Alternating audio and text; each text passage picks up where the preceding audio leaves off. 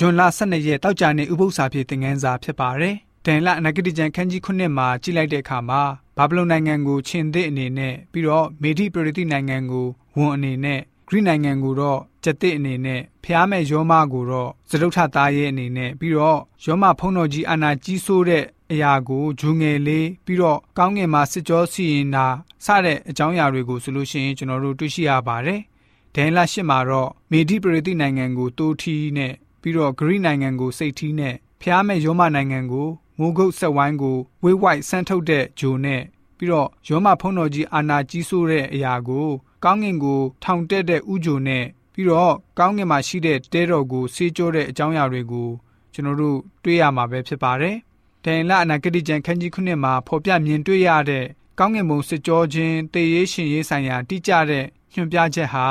နှိမ့်ဆက်ညင်မှန်ခြင်းနှစ်ပေါင်း1260ကာလရဲ့အဆုံး ဒိန်လနဂတိကျန်ခန်းကြီး9ငွေ25ဟာဆိုလို့ရှိရင်ဒိန်လနဂတိကျန်ခန်းကြီး10ငွေ14မှာဖော်ပြတဲ့ကောင်းကင်ဘုံဗိမာန်တော်ကိုစေကြောခြင်းအကြောင်းနဲ့အတူတူပဲဖြစ်ပါတယ်။ဒီတကြောင်အဲ့ဒီစစ်ကြောစီရင်ခြင်းကနေစတင်ပြီးတော့ဖျားရှင်ဟာ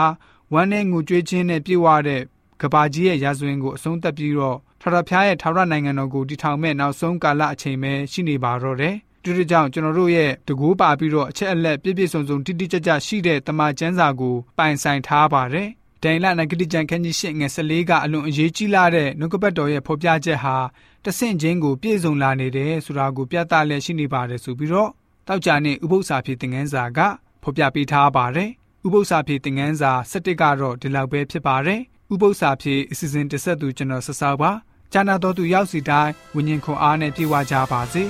ကျေးဇူးတင်ပါတယ်